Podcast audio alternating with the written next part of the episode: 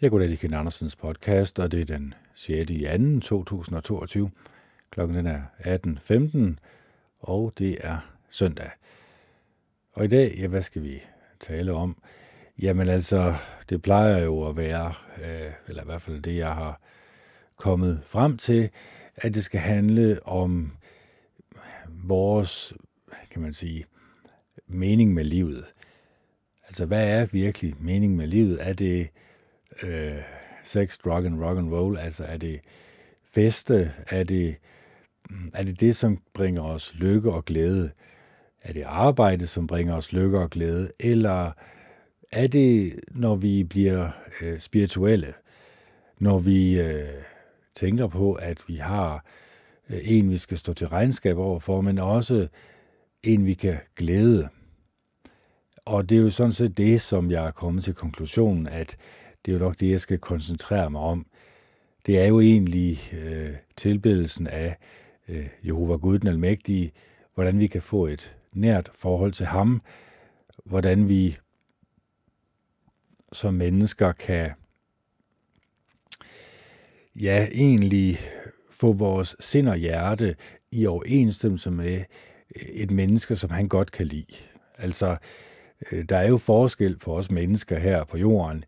Øh, der er jo forskel på, øh, om mennesker betragter noget som ondt, øh, som egentlig er godt, og noget, som er godt, som egentlig er ondt.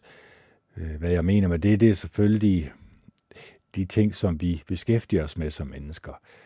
Altså det, vi putter ind gennem øjnene og ørerne, som jeg har talt rigtig meget om, øh, mange mennesker tænker ikke over, at det, øh, at det har en påvirkning på os.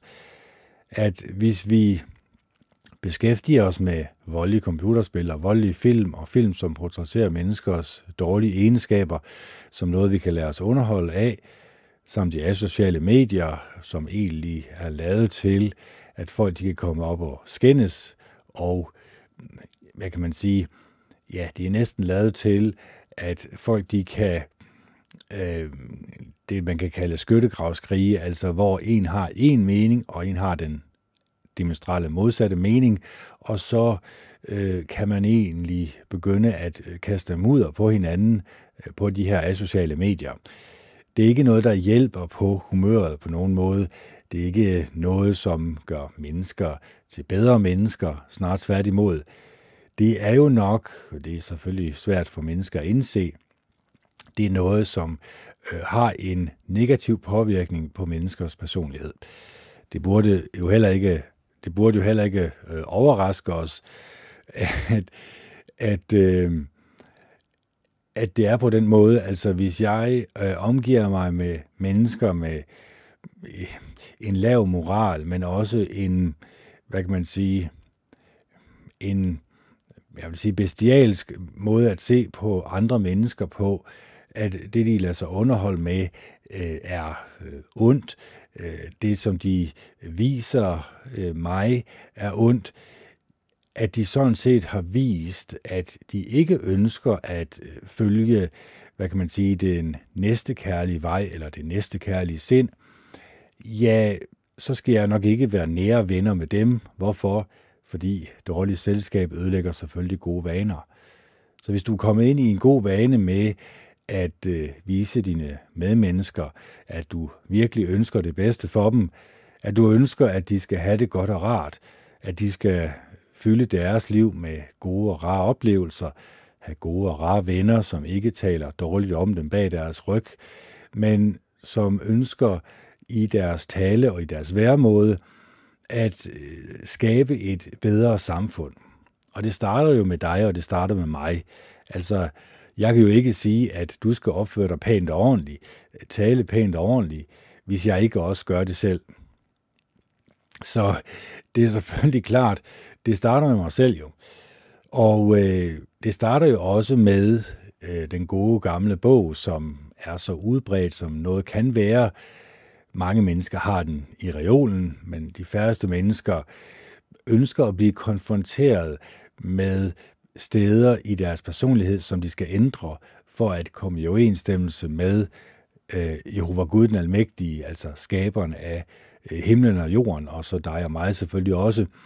Øh, hvorfor, hvordan kan jeg så være så skråsikker på det? Jamen, det kan jeg jo egentlig, fordi at øh, når jeg tænker på, at vi i øjeblikket er øh, 7,8 milliarder mennesker her på jorden, og, og vi alle sammen stammer fra det samme sted, vi stammer fra et æg og en sædcelle, øh, som også stammer fra et æg og en sædcelle, som så også stammer fra et æg og en sædcelle og så videre og så videre. Altså, at vi stammer fra noget, som kunne placeres på toppen af knapnålshovedet, det kunne så også placeres på toppen af knapnålshovedet, det er vores far og vores mor.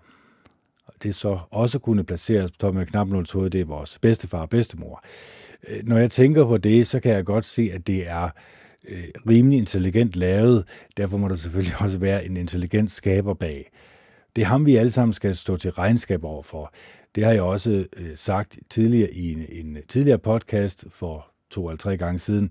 Det står der direkte i Bibelen, at vi kommer frem for Jehova Gud den Almægtige og den, som han har indsat på tronen, Jesus Kristus, for at vi skal blive dømt alt efter, hvilke gerninger vi har gjort i det læme, som vi nu er i, enten det er godt eller ondt, som der står direkte. Så øh, det vil sige, at hvis du har gjort gode gerninger, hvis du er et godt og et rart menneske, hvis du er villig til at bekæmpe øh, de negative menneskelige egenskaber, også alt det her for skraldespanden, som jeg har opsummeret, det er jo ikke kun de sociale medier, det er jo selvfølgelig også øh, det mainstream media, som konstant fortæller dig løgne om, hvad du skal frygte, og fortæller dig løsningen på din frygt. Det er selvfølgelig klart, hvis man bliver ved med at følge det, som Jehova Gud han ikke godkender, altså verdensånden, verdens, man kan sige, modstander, eller Guds modstander, øh, Satan og hans dæmoner, som der er nogle meget magtfulde mennesker, som tilbeder over i noget, der hedder Bohemian Grove, øh, så skulle det heller ikke overraske os, at det verden egentlig ønsker af os, er helt anderledes end det Jehova Gud han ønsker af os. Han ønsker, at vi skal vise hinanden inderlig medfølelse, venlighed, øh, ydmyghed, mildhed. Ja, at vi skal være et næstekærligt menneske. Og det vil du selvfølgelig protestere og sige, det er jeg allerede i forvejen. Tillykke med det. Men hvis du så egentlig går i dybden med det her med at være et næstekærligt menneske og spørger dig selv, jamen hvad er det egentlig, jeg beskæftiger mig med? Hvad er det egentlig, jeg bruger størstedelen af mit liv på? Er det det her fra skraldespanden? øh, kan man så sige, at du er et næste kærligt menneske, hvis du læser i Bibelen og ser øh, eller læser om den barmhjertige samaritaner, så vil du altid, det vil alle mennesker jo, sætte sig i stedet for den barmhjertige samaritaner. Man vil altid være den barmhjertige samaritaner. Man vil aldrig nogensinde være præsten eller levitten, som følte inderlig afsky for manden, som havde faldet blandt røverne og gik over på et modsat side af vejen. Selvfølgelig vil man ikke det. Den, den, den dårlige side af os mennesker vil vi ikke konfronteres med. Vi bryder os ikke om at blive konfronteret med vores egne dårlige egenskaber. Fordi så kunne vi jo risikere, at vi skulle ændre det, hvis vi gerne vil have et nært forhold til Jehova Gud den Almægtige. Så, øhm, så når vi mennesker vi øh, går igennem livet, så tænker vi ikke sådan nærmere over, hvordan vi opfører os. Vi følger måske bare strømmen. Og det her med at følge strømmen, det, ja, det er ikke altid, det går særlig godt for os mennesker, når vi egentlig følger strømmen, når vi egentlig gør, hvad der bliver sagt af staten, når staten fører os et bestemt sted hen. Fordi den kunne jo, det kunne jo risikere, at den førte os et meget dårligt sted hen. Det var også det, jeg afslørede i i den øh, podcast, der hedder øh, Lejre i Danmark, hvor jeg øh, viste den her pdf, som er øh, fra staten af underskrevet af øh, den højst rangerende i militæret og den højst rangerende inden for sundhedsvæsenet, øh, den her karantænefaciliteter pdf. Hvis man slår den op på nettet, så vil man få det her, den her pdf frem, som egentlig fortæller, at under en pandemi, jamen så kan politiet og militæret komme og hente dig og mig og føre os i de her lejre. Så øh, det er det, der kommer til at ske den næste gang, vi har en lockdown. Øh, det er ikke øh, særlig rart at tænke på, men jeg kunne jo også ignorere det og lade være med at fortælle jer om det. Men der brugte jeg ligesom en halv time til en time på at gennemgå de her papirer, øh, den her pdf, vise det på skærmen, så det kan I selv gå tilbage og se. Øh, og så kan man selvfølgelig sige, så kan jeg ikke gøre ret meget mere. I, nu ved Jehova Gud det selvfølgelig også, fordi det har jeg jo sagt til ham, at øh, jeg bryder mig ikke om, at vi skal til at i koncentrationslejre, ligesom de er ved at øh, gøre i Australien. Altså at staten går ind og undertrykker befolkningen, nærmest tyranniserer dem, nærmest laver et samfund, som de har i Nordkorea eller i Kina. Det er ikke noget, jeg bryder mig om at tænke på, men det er ikke desto mindre, så bliver jeg nødt til at tale om det, når jeg kan se, at det er de skridt, øh, som de her øh, onde mennesker, som vi har valgt til at styre os, øh, at de har valgt at fravælge deres medmenneskelighed. Hvad får de så i stedet for? Ja, så får de jo magt over andre mennesker. Så får de en høj stilling inden for det, vi kalder den nye verdensorden. Og, øh, og det har, som jeg også siger, øh, det har Jehovas vidner altså også gjort. De har også solgt, hvad kan man sige, øh, tilbedelsen af Jehova Gud fra, altså de har sådan set sagt, det har det styrende råd sagt, at, at du er et, og nu citerer jeg jo selvfølgelig ikke direkte, men du er et dårligere menneske, hvis du ikke modtager de her eksperimentelle indsprøjtninger, som staten ønsker, du skal tage. Du bliver udskammet af organisationen.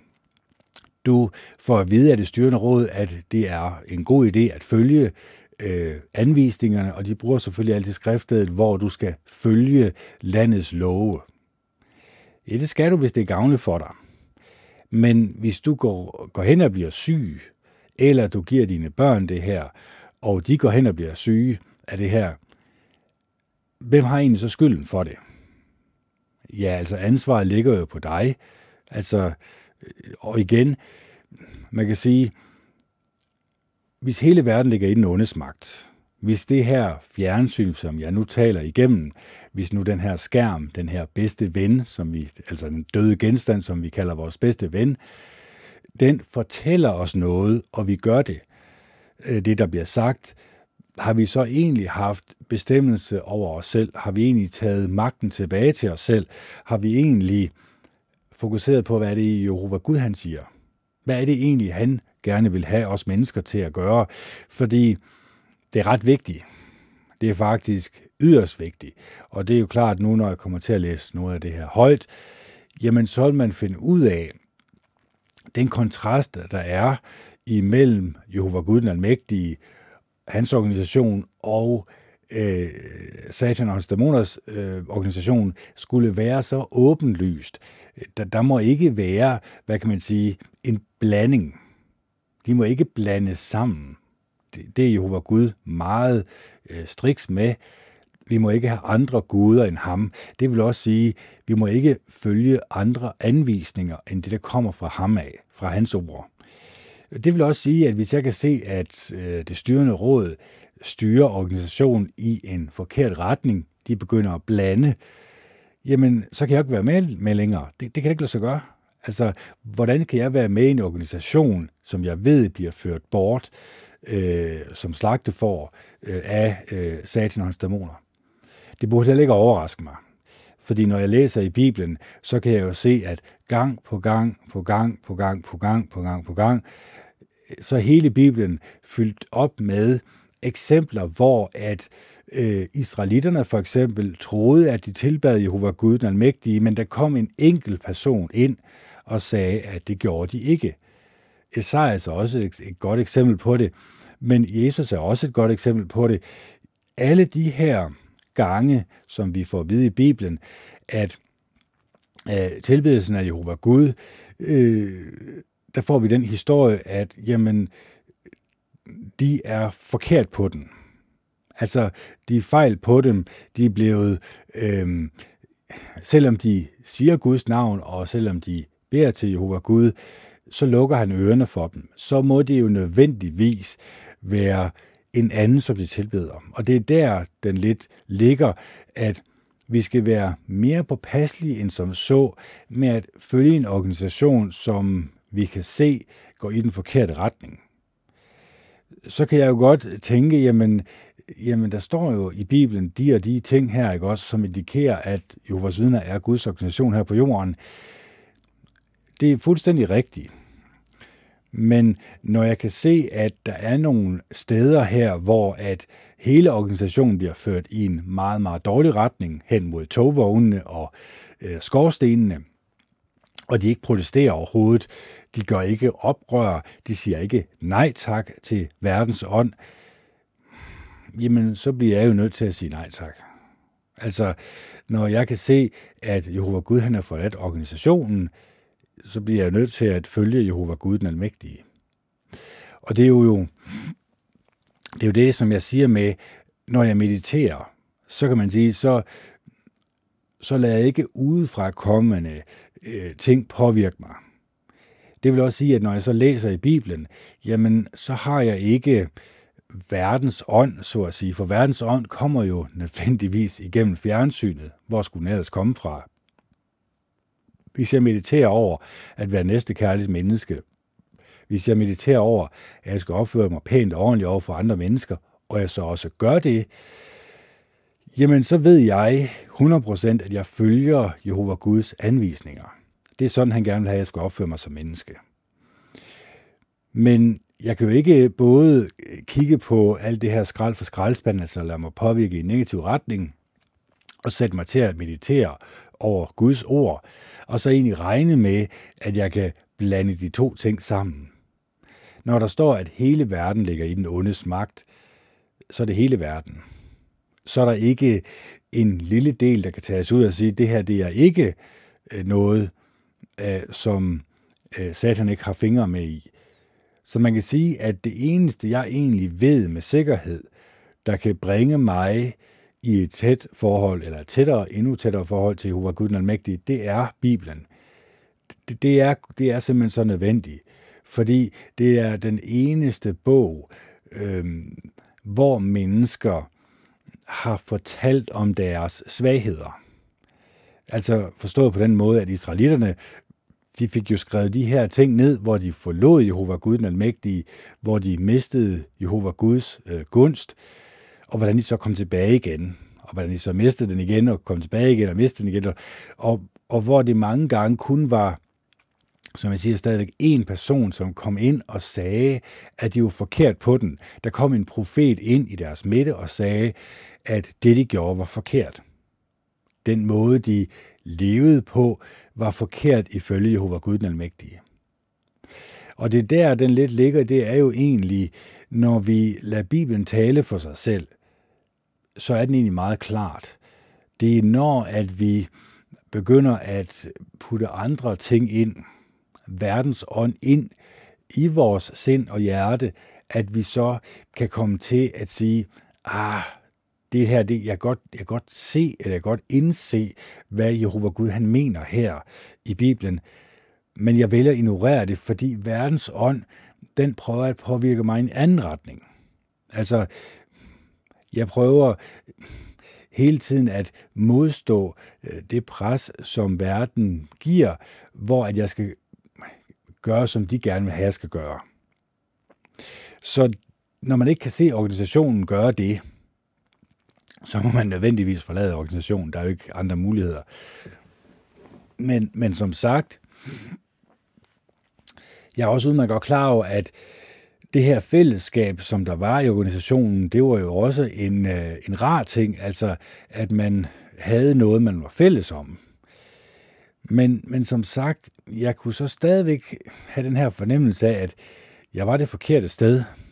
Der var en eller anden ting, der, der, der, der var gal, og en af de ting, jeg synes, der var lidt galt, det var jo selvfølgelig også, at vi fokuserer mere på, mm, på vagtårn vågne op, end på Bibelen. I, i, i, og man kan så også sige, at de sidste øh, ting, jeg har læst fra organisationen, øh, der fordrejer de også skriftsteder, hvor at de prøver at øh, øh, skabe en dårlig samvittighed i mennesker, som ikke har fået de her øh, eksperimentelle indsprøjtninger. Hvorfor?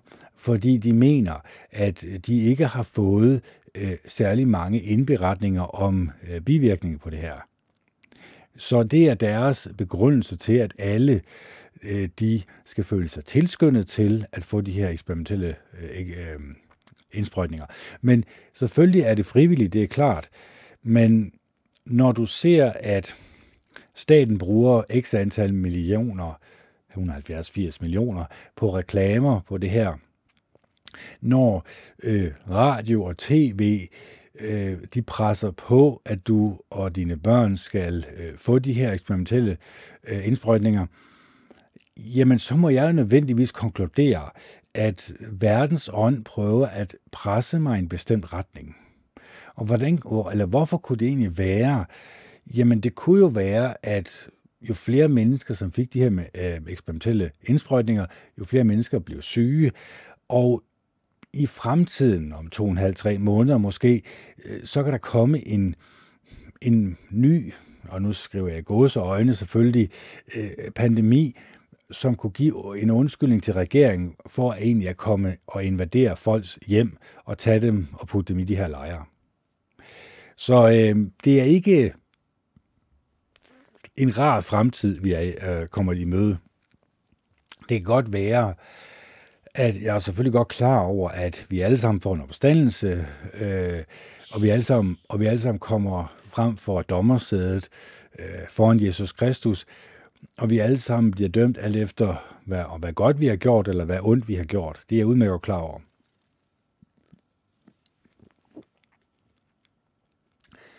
Men vi skal også være klar over, at, øh, at vi mennesker kan nemt blive ført på vildspor. Vi så det i Tyskland for ikke ret mange år siden, hvor en hel nation blev ført på vildspor, øh, følte en bestemt ideologi, og det gik grueligt galt. Det kan også, eller det kan man også sige, det går også grueligt galt i Kina, det går også, det går også grueligt galt i øh, Nordkorea, det er vi udmærket klar over. Men vi kan ikke indse, at øh, det her lille smørhold, vi lever i, at det kunne også gå i samme retning, eller at det i hvert fald er i den retning, øh, som, som det her eksperiment er det jo egentlig, øh, hvor at de prøver at øh, skubbe mere og mere kontrol øh, over på befolkningen. De vil gerne kontrollere, øh, de vil gerne bestemme over os. Øh, og det gør de selvfølgelig gennem skatten, det ved jeg godt, men de gør det selvfølgelig også igennem det her pas, som vi alle sammen skal have. Det her pointsystem, som også kommer. Øh, de her øh, grusomme ting, som kommer i sidste instans fra satan og hans dæmoner, jamen det er klart, hvis mennesker de ikke indser, at øh, det er onde mennesker, som hersker over dem, jamen så tænker de jo, det er nogle gode og rare mennesker, og så må vi hellere følge dem, fordi de har jo vores bedste for øje. Øh, og det er igen, det er op til os selv jo. Altså, jeg kan jo ikke vælge for dig. Øh, du kan heller ikke vælge for mig, men det jeg gør i den her podcast, det er jo egentlig, jeg prøver at gå i dybden med øh, de ting, jeg går og øh, tumler med, men også den kontrast, jeg kan se. Altså, jeg kan udmærket godt se den kontrast. Jeg kan også godt se, desværre, må jeg sige, at Jehova Gud har skabt os med en fri vilje. Vi må selv bestemme, hvad vi gør med vores liv. Om også hvilket regelsæt vi følger, eller mangel på regelsæt vi følger, de tanker vi har, øh, som er påvirket af øh, skrald for skraldespanden fra øh, øh, den her skærm, som vi kalder vores bedste ven, jamen det er selvfølgelig klart, at når vi bruger x antal tid på det, og vi måske også vi ikke rigtig har en stemme, der siger nej til det her. Det er jo det, som jeg siger med, at når vi skal være selektive med, hvad vi putter ind gennem øjnene og ørerne, så skal vi også have evnen til at sige nej. Den skal vi altså bibeholde, den skal vi opdyrke, den skal vi gøre så kraftig som overhovedet muligt. Og det er meget, meget svært, fordi fjernsynet er jo lavet til at få os ind i en tilstand, hvor vi føler os tryg og sikker. Den kan jo ikke såre os på nogen måde. Den kan jo ikke gøre os ondt på nogen måde. Det er, vi udmærket. Det, det er i hvert fald det, vi har naret os selv til at tro.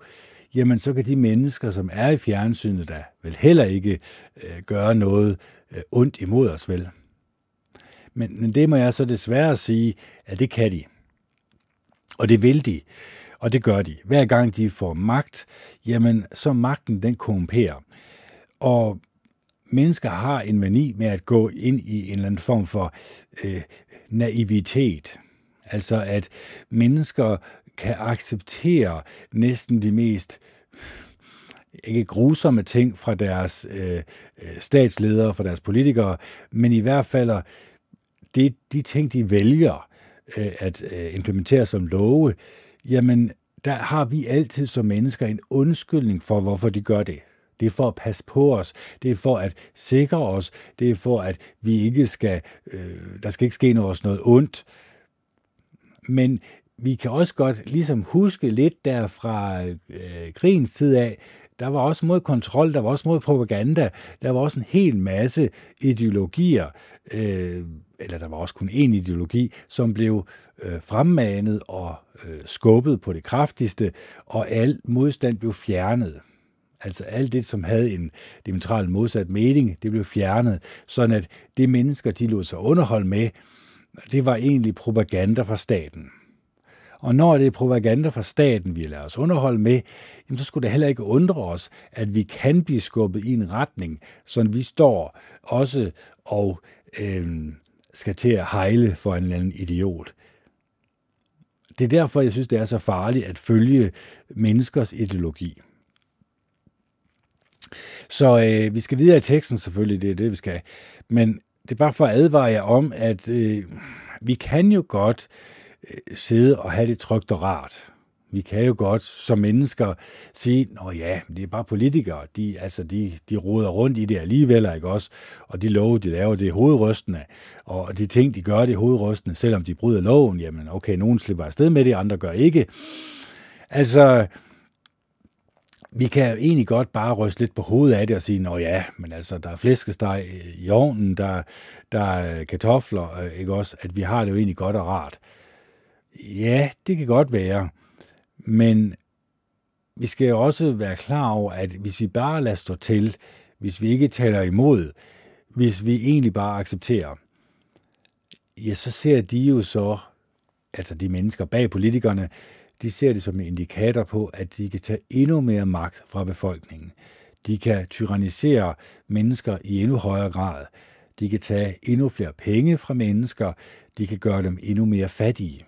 Fordi det er det, som magteliten godt kan lide. De kan godt lide fattige mennesker.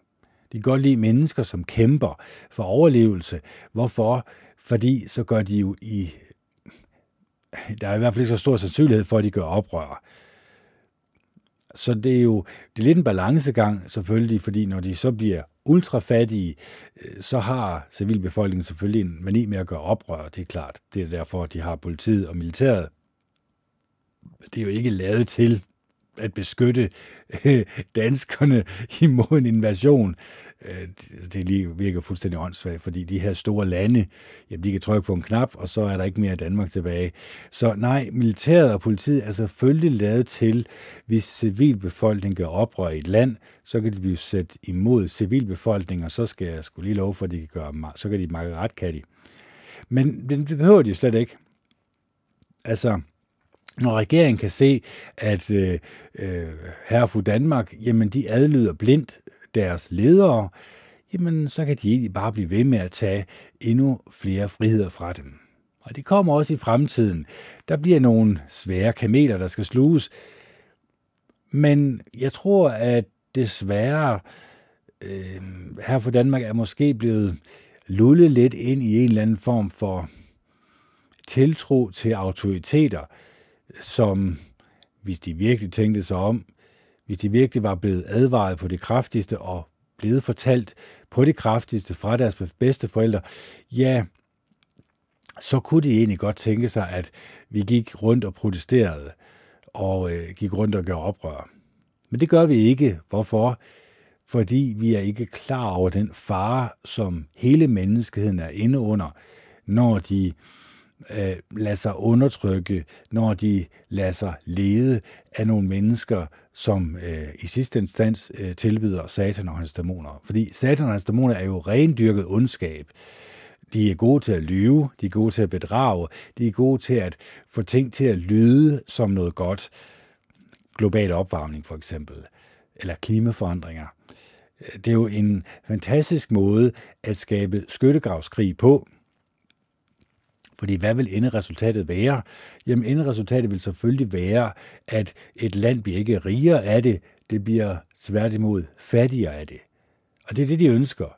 Altså magteliten, de mennesker, som har er meget, meget ultra-rige, mange af dem, nu siger jeg ikke alle, men mange af dem, øh, som også især går i de her hemmelige selskaber, de arbejder selvfølgelig hen imod, at befolkningen kan blive så fattig som overhovedet muligt.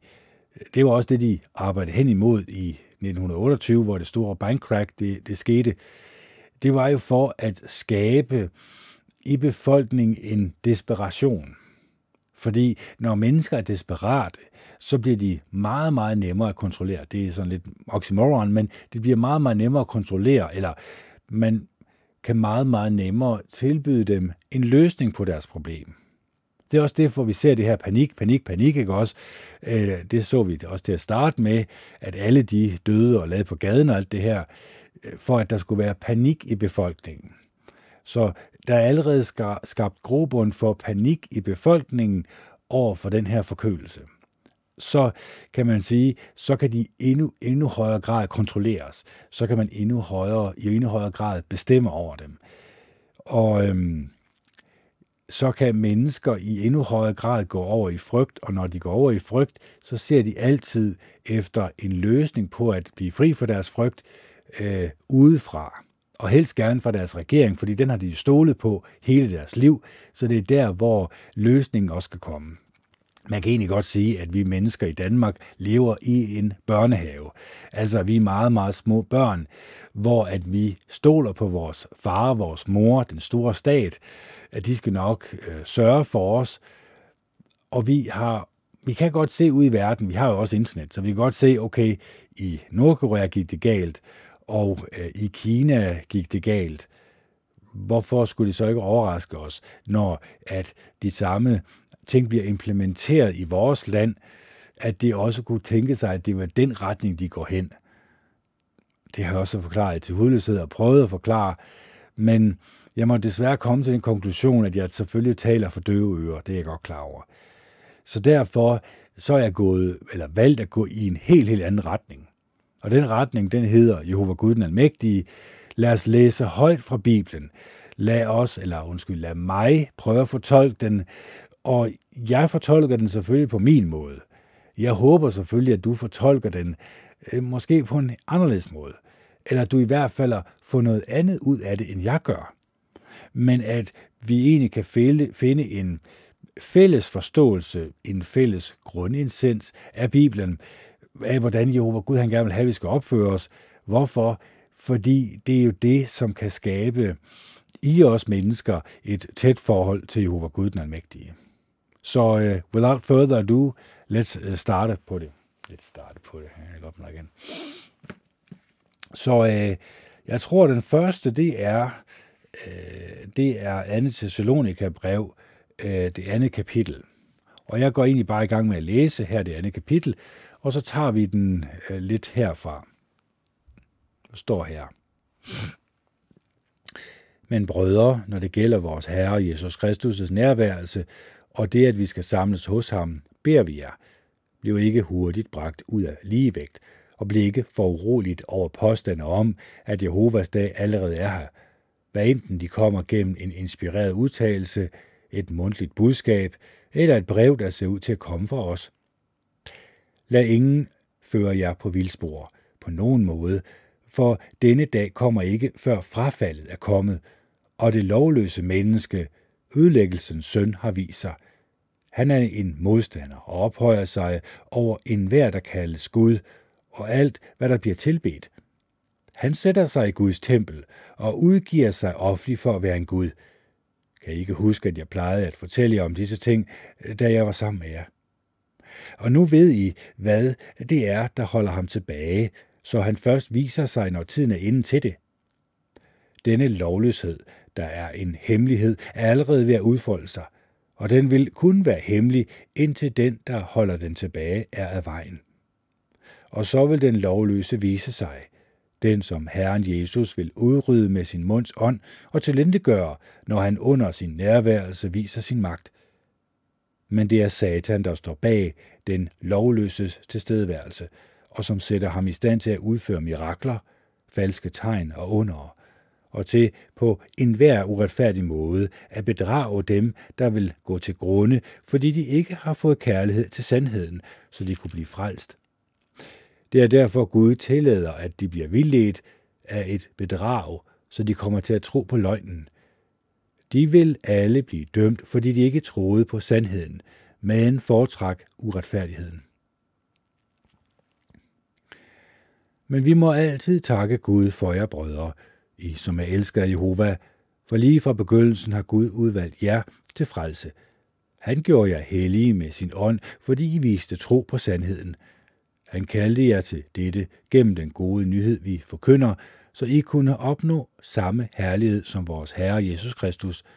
Så derfor fast, brødre, og hold jer til det, I er blevet undervist i, enten mundtligt eller gennem et brev fra os – og lad vores Herre Jesus Kristus og lad vores Herre Jesus Kristi selv og Gud, vores Far, der elskede os og i sin ufortjente godhed gav os evig trøst og et godt håb, trøste jeres hjerter og gør jer stærke, så I altid kan gøre og sige det, der er godt. Så det her med at sige, at det vil gøre os stærke, så I altid kan gøre og sige det, der er godt. Gør vi altid det? gør vi og siger altid det, der er godt? Ja, det var egentlig en god ting, vi egentlig kunne tænke lidt over. Fordi det, der bliver talt om her, det er jo egentlig, at vi skal ikke lade os blive vildledt. At der er nogen, som kommer og siger, at enden er nær. At øh, nu kommer Armageddon. Men vi skal ikke lade os blive ud, øh, hvad kan man sige, vi skal ikke lade os blive vildledt af sådan nogle udtalelser. Fordi der vil først komme en øh, lovløs menneske, ødelæggelsens søn, har vist sig. Og han vil så kalde sig selv Gud, altså han vil sætte sig i Guds tempel og sige, at han er Gud. Og det har vi ikke set endnu, men det kommer på et tidspunkt i fremtiden. Men igen, vi skal ikke lade os opreve af det her. Fordi man kan sige, at dommedagsprofeter, dem er der mange af, så det her med, at vi skal skræmmes til at adlyde, det er jo egentlig forkert. Altså, det er jo egentlig en, jeg tror heller ikke, det er det, som jo var Gud, han gerne vil have, vi skal gøre. Han vil jo gerne have, at vi skal tjene ham frivilligt. At vi ikke skal frygte, at nå, okay, hvis vi ikke gør det her, så gør han os. Nej, vi skal jo egentlig gerne finde ud af, jamen, hvorfor vil han egentlig gerne have, at vi skal opføre os på den her måde? Øh, er det fordi, det gavner os som menneske? Er det fordi, det gør, at vi kan øh, sige og gøre det, der er godt. Fordi det der at sige og gøre det, der er godt, der ligger jo faktisk en ret dyb øh, tanke i det her. Fordi når vi sådan mediterer over det, siger vi så det, der er godt, og gør vi det, der er godt. Og så skal vi så også til at definere, hvad er det så, der er godt? Er det godt og gavnligt for os at øh, besøge hinanden? at vise hinanden inderlig medfølelse til hinanden, er det godt og gavnligt, at vi viser, at vi har et godt humør over for hinanden, at vi har en positiv, smittende indflydelse eller personlighed på andre mennesker, som vi møder. At vi giver et godt førstehåndsindtryk, andet håndsindtryk, ja, sådan set, vi giver et godt indtryk hver gang andre mennesker møder os det er jo egentlig det, som der egentlig ligger i ordet her. Gøre og sige det, der er godt. Altså gøre, det er jo en handling. Altså hvis jeg bringer en kage til dig, og du giver kaffen, jamen så er det jo en handling, som jeg har gjort mig. Altså jeg har, tank, jeg har tænkt tanken, nu køber jeg en kage. Det kunne jeg godt bare blive ved med at tænke på. Men hvis jeg ikke køber kagen, jamen så kunne jeg jo nok godt op i mit eget hoved sige, hold da op, hvor jeg er god og gavnlig, ikke også, og hvor er jeg et godt menneske, men jeg har jo ikke gjort en konkret handling her. Jeg har bare tænkt på at gøre det.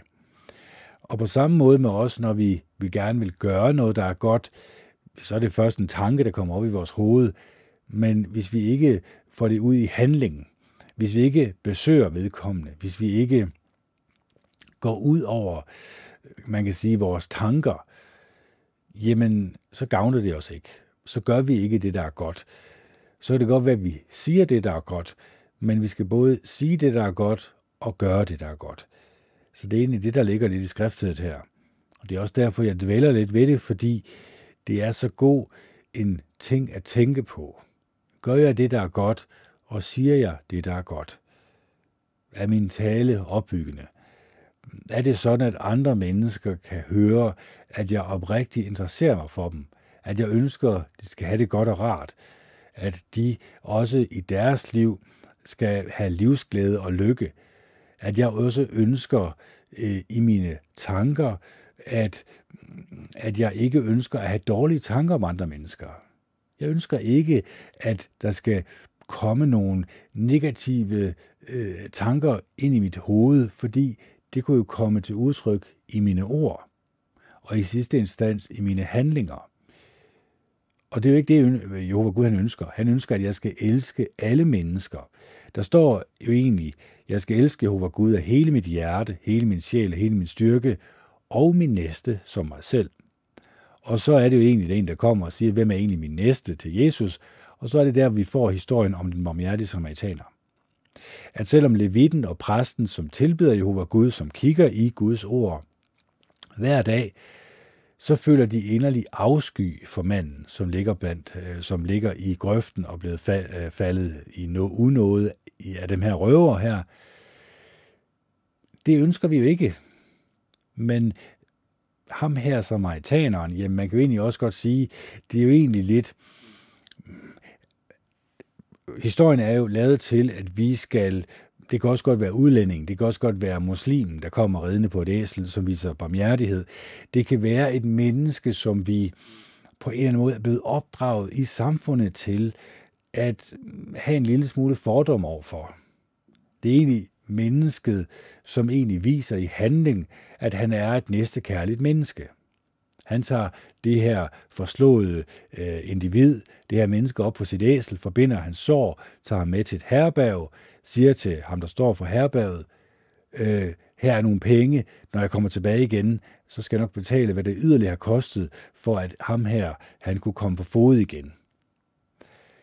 Så er det selvfølgelig klart, det er jo fordi, han er gået ud over, hvad han egentlig, hvad der egentlig forventes af ham. Han kunne jo godt bare have afleveret vedkommende op i herrebæret, og så ikke tænke videre over det.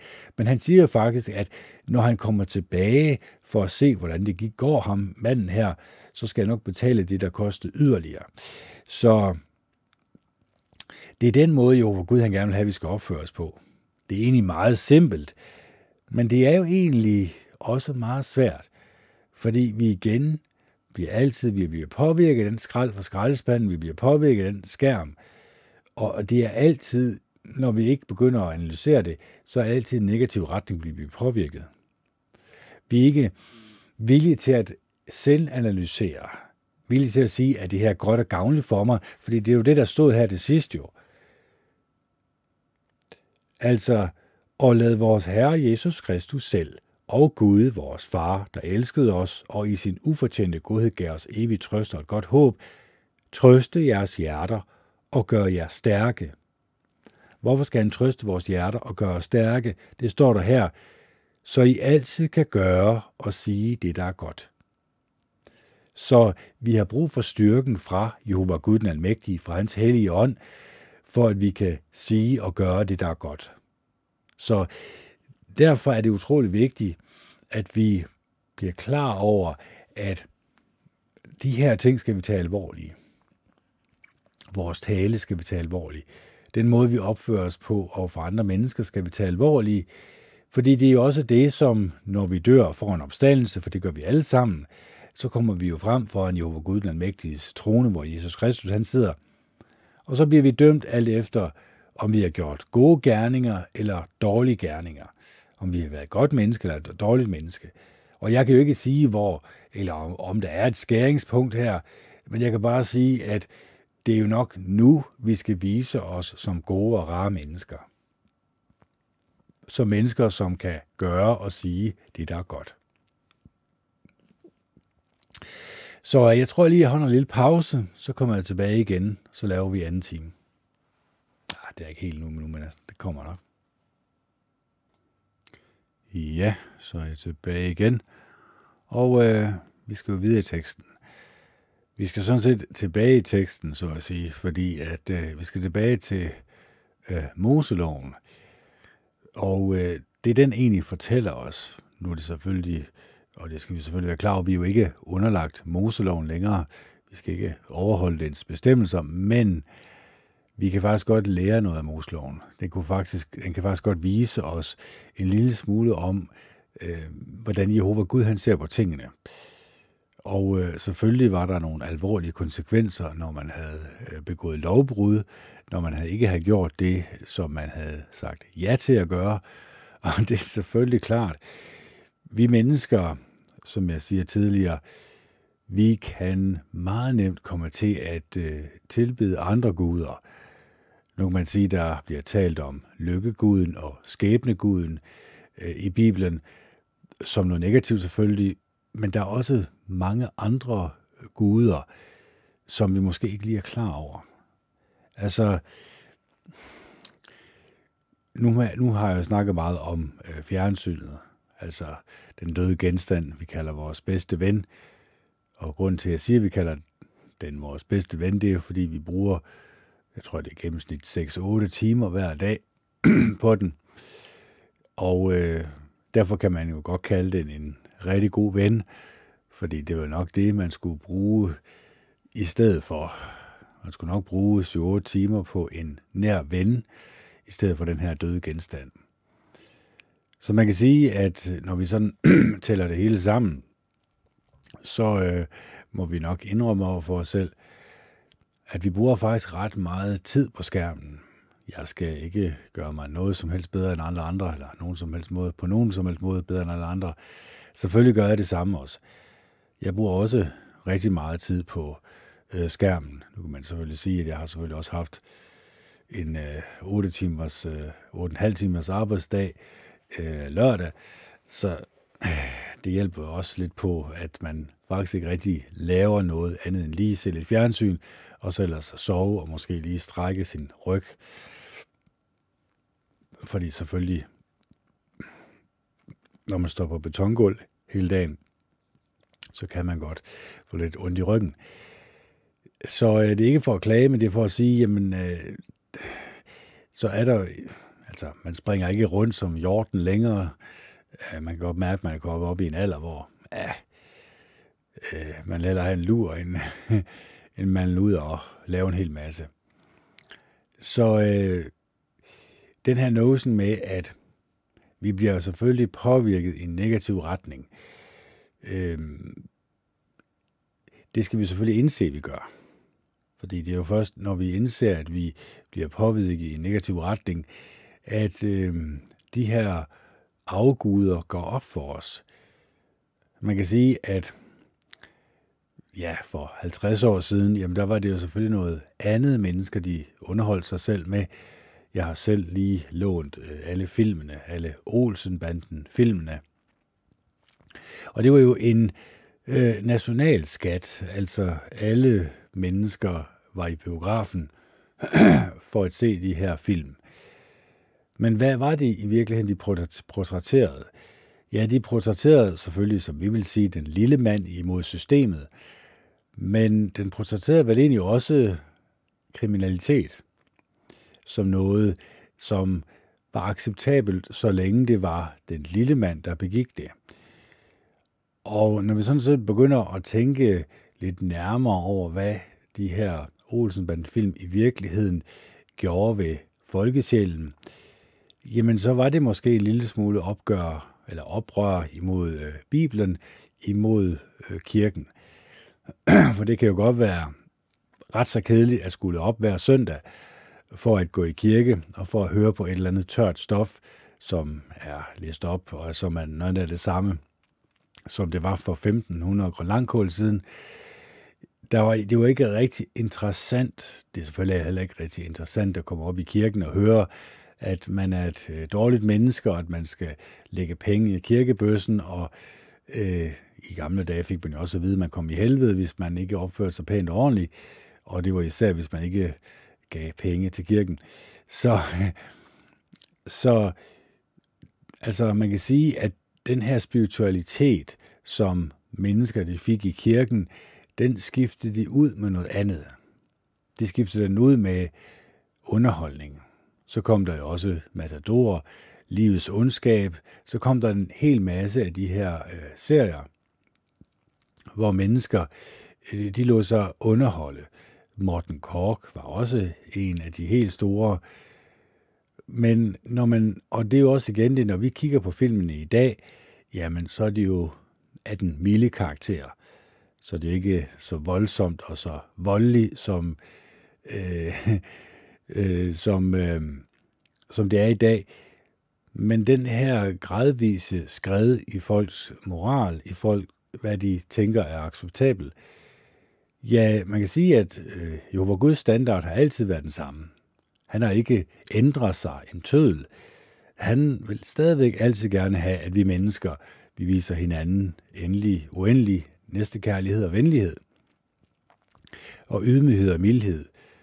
Og det her med, at vi i vores ord og vores øh, handling skal vise, at vi er gode mennesker. Det er jo ikke det, som vi for at vide, det er ikke det, som vi lader os underholde med. Så skulle du heller ikke overraske os, at vi måske påvirker os selv i en negativ retning. Vi måske også påvirker andre mennesker omkring os i en negativ retning, når det er det negative, øh, vi beskæftiger os med. Og øh, man kan sige, at nu spoler man selvfølgelig også tiden tilbage 3500 år, når man læser i Moseloven, Og det er selvfølgelig klart, der var jo en helt, helt anderledes øh, form for underholdning. Altså man kan sige, underholdningen var jo spirituel også på det her tidspunkt. Også de mennesker, som ikke tilbad Jehova Gud, øh, den almægtige. Men de mennesker, som tilbad afguderne, i sidste instans satan og hans dæmoner, jamen de blev jo bedt af de her onde ånder om at ofre deres børn, lade dem gå igennem ilden. Og så er der mange, der siger, at det sker selvfølgelig ikke i dag. Der er ikke nogen hemmelige selskaber, som begår disse uhyreligheder. Ja, der må jeg desværre skuffe jer. Øh, hvis man ser øh, på YouTube øh, Bohemian Grove, øh, eller Infiltrate Bohemian Grove, jamen så vil man finde ud af, at øh, Alex, som for en del år siden infiltrerede Bohemian Grove, der øh, står de foran den her store stenugle og øh, tilbeder. Det må man sige, det er satan dæmoner.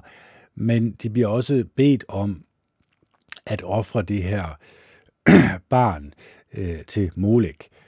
Altså, nu ved jeg godt, at det er selvfølgelig det her, i hvert fald er det, der bliver optaget, er et øh, træskelet, som skal symbolisere øh, et, et barn, eller som skal symbolisere, at de ved at brænde det her træskelet, heldigvis er det et træskelet, at de så symboliserer, men, men det er stadigvæk et symbol på et barn, den her uskyldighed, som de skal brænde væk, fordi de har begået en hel masse uhyrligheder, de her mennesker, som tilbeder ved Bohemian Grove, jamen, det må ikke andet end betegnes som øh, satansdyrkelse på aller laveste niveau, må man sige.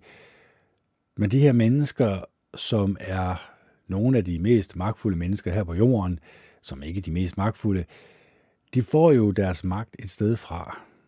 Og når der står i Bibelen, at hele verden ligger i den ondes magt, så får de jo også øh, Satan og hans dæmoners øh, ånd, kan man sige, den onde ånd.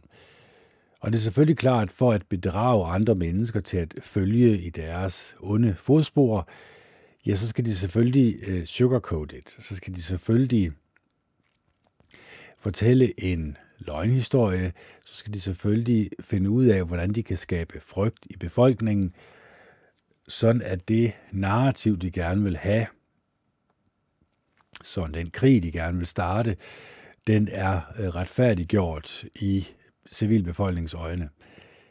Og det er selvfølgelig klart, at det er det, som Jehova Gud han fordømmer på det kraftigste. når mennesker de tilbeder afguder, det bryder han sig bestemt ikke om. Det tager han kraftigt afstand fra. Og det kommer vi også til at læse om her i Moseloven, hvor vi faktisk også kommer ind på de ti bud, på hvad der ligger forud for de ti bud, og hvordan øh, vi mennesker vi kan forstå Guds syn på tingene.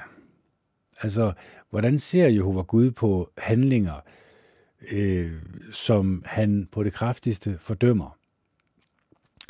Vil han gerne have, at vi mennesker skal begå de handlinger? Nej, selvfølgelig vil han ikke det. Han vil gerne have, at vi viser hinanden inderlig medfølelse og venlighed, og ydmyghed og mildhed og alle de her positive menneskelige egenskaber, som jeg vil våge at påstå, langt de fleste mennesker, de også godt øh, inderst inde gerne vil have, at der bliver vist dem. Og så er det selvfølgelig klart, så er det også en god idé, at de også viser de her positive egenskaber til andre mennesker. Sådan så hænger det mere sammen. Så får man et mere harmonisk samfund. Og det var det, som israelitterne de oplevede. Lige så snart de øh, overholdte Moseloven, jamen, så oplevede de også velsignelsen fra Jehova Gud. Han beskyttede dem, han sørgede for dem, han sørgede for, at der kom regn, han sørgede for, at de fik afgrøderne til tiden. Han sørgede for, at de nok skulle klare sig, også mentalt. Altså, de fik så at sige den åndelige underholdning, som de havde brug for. Så det er det, som vi skal være klar over, at her i dag, jamen, hvor kommer den underholdning fra? Den vi beskæftiger os med. Og hvad er der i den underholdning? Er det noget, som påvirker os i en positiv retning, eller i en negativ retning? Eller må vi, som jeg gør nu, øh, selv sørge for min egen underholdning? Sørge for, at øh, de ting, jeg læser højt fra Bibelen, de prøver jeg selvfølgelig også at efterleve, De prøver jeg selvfølgelig også at gøre til en integreret del af min tankegang og tankemønster, og min væremåde, og den jeg er på over for andre mennesker. Fordi det kan faktisk godt lade sig gøre at øh, ændre sin personlighed til det bedre. Det kan faktisk godt lade sig gøre, at vi mentalt set, når vi mediterer, øh, så mediterer vi selvfølgelig over de positive menneskelige egenskaber og det, som gør os til et godt og et rart menneske, også i andre menneskers øjne, og så prøver vi så vidt muligt at øh, efterleve de her ting. Så øh, snip, snap, snude, så kan I lære det. Vi skal nu i gang med Moseloven, og vi er kommet til øh, Moseloven, det femte eller femte Mosebog, øh, det fjerde kapitel. Og vi læser højt her. Israel, hør nu de bestemmelser og lovbud, som jeg, leve, som jeg lærer jer at følge. Den tager vi lige igen. Israel, hør nu de bestemmelser og lovbud, som jeg lærer jer at følge, så I kan leve og gå ind og erobre det land, som Jehova jeres forfædres Gud vil give jer. I må ikke føje noget til det, jeg befaler jer, og I må heller ikke trække noget fra. I skal holde de befalinger fra Jehova jeres Gud, som jeg giver jer. I har med egne øjne set, hvad Jehova gjorde i sagen med Baal Peor. Jehova, jeres Gud, udryddede alle de mænd, der fulgte Baal Peor, og fjernede dem fra jeres midte. Men I, der holder fast ved Jehova, jeres Gud, er alle i live i dag. Jeg har lært jer bestemmelser og lovbud, sådan som Jehova, min Gud, har befalet mig, for at I kan følge dem i det land, I skal indtage. I skal omhyggeligt følge dem, for så vil de nationer, der hører om alle disse bestemmelser, indse, at de er kloge og fornuftige. Og det vil sige, denne store nation er virkelig et klogt og fornuftigt folk. For hvilken anden stor nation har guder, der er lige så nær hos den, som Jehova vores Gud er hos os, uanset hvornår vi kalder på ham. Og hvilken anden stor nation har så retfærdige bestemmelser og lovbud, som hele denne lov, jeg lægger frem for jer i dag? I skal bare passe på og være opmærksomme på jer selv, så I ikke glemmer de ting, I med egne øjne har set. Bevar dem i jeres hjerte, så længe I lever. I skal også fortælle jeres børn og børnebørn om dem, den dag I stod foran Jehova jeres Gud ved Horeb, sagde Jehova til mig, Kald folket sammen foran mig, så jeg kan lade dem høre mine ord, for at de kan lære at have ærefrygt for mig, så længe de lever på jorden, og for at de kan lære deres børn det. Så kom I hen og stillede jer ved foden af bjerget. Bjerget brændte, og flammerne nåede op til himlen. Det var mørkt, og himlen var indhyllet i tætte skyer. Og Jehova begyndte at tale til jer inde fra ilden. I hørte ordene, men I så ham ikke. Det var kun, der var kun en stemme.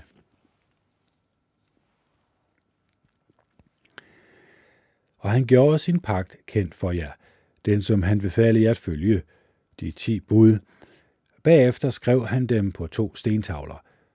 På det tidspunkt befalede Jehova mig at lære jer bestemmelser og lovbud, som I skal følge i det land, I skal over for Europa. Derfor skal I være opmærksomme på jer selv. I så jo ikke nogen skikkelse den dag ved Horeb, hvor Jehova talte til jer inde fra ilden, så I ikke gør noget forkasteligt ved at lave jer en udskåret figur, der er formet som et symbol, eller forestiller en mand eller en kvinde, eller noget dyr på jorden, eller nogen fugl, der flyver på himlen, eller noget, der kryber på jorden, eller nogen fisk i vandene under jorden. Og når I løfter blikket mod himlen og ser solen og månen og stjernerne, hele himlens her, må I ikke blive fristet til at bøje jer for dem og tilbede dem. Jehova jeres Gud har givet dem til alle folk under himlen, men jer har Jehova taget og ført ud af Ægypten, ud af smelteovnen, for at I kunne blive hans folk, hans personlige ejendom, sådan som I er i dag. Jehova blev vred på mig på grund af jer, og han sværgede, at jeg ikke skulle gå over Jordan og ind i det gode land, som Jehova jeres Gud vil give jer som arv. Jeg skal nemlig dø i det her land. Jeg kommer ikke til at gå over Jordan, men I skal gå over og indtage det gode land. Pas på, at I ikke glemmer den pagt, som Jehova jeres Gud har indgået med jer, og lav jer ikke en udskåret figur, der forestiller noget af det, Jehova jeres Gud har forbudt jer. For Jehova jeres Gud er en fortærende ild, en Gud, der kræver, at man kun tilbeder ham. Hvis I efter at have boet længe i landet, og efter at have fået børn og børnebørn, handler destruktivt og laver en udskåret figur af nogen slags, og gør det, der er ondt i Jehova jeres Guds øjne, og så ham, så tager jeg i dag himlen og jorden som vidne på, at I hurtigt vil blive udryddet fra det land, I går over Jordan for at indtage. I vil ikke komme til at leve længe i det, men I vil blive tilintetgjort. Jo vil sprede jer blandt folkene, og det vil kun være, og der vil kun være få af jer, der overlever, blandt de nationer, som Jehova vil føre jer bort til. Der skal I tjene menneskeskabte Gud af træ og sten, Gud, der hverken kan se, eller høre, eller spise, eller lugte. Hvis I der søger Jehova jeres Gud, hvis I søger ham af hele jeres hjerte og hele jeres sjæl, vil I finde ham. I fremtiden, når alt dette har ramt jer, og I er hårdt presset, vil I vende om til Jehova jeres Gud og lytte til ham. For Jehova jeres Gud er en barmhjertig Gud. Han vil ikke svigte jer eller gøre det af øh, med jer eller glemme den pagt, som han med en ed indgik med jeres forfædre. Spørg dog om de tidligere dage, øh, der var før jeres tid, for den dag Gud skabte mennesket på jorden. Søg fra den ene ende af himlen til den anden.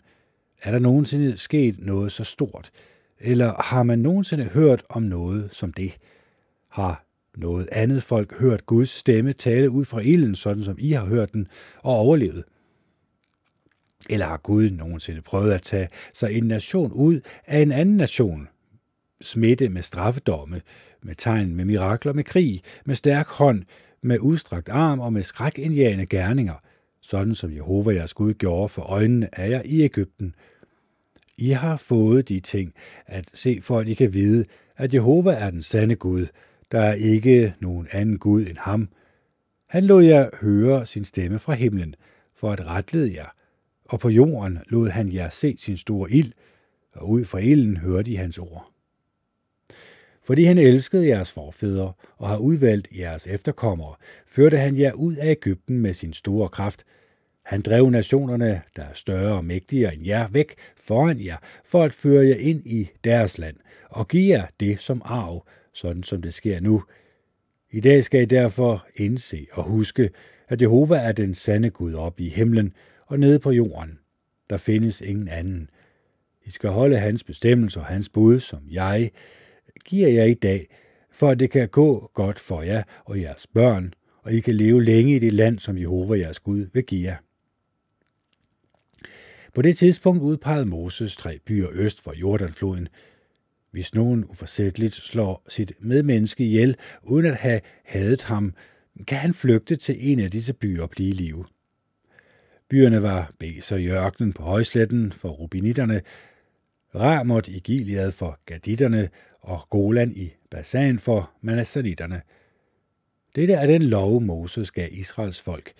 Dette er de påmindelser, bestemmelser og lovbud, Moses gav israelitterne, da de var kommet ud af Ægypten, i egnen ved Jordanfloden, i dalen over for Betpior, et land, der tilhørte Amoritkongen Sihon, som boede i Hesbon, og som Moses og israelitterne besejrede, da de var kommet ud af Ægypten.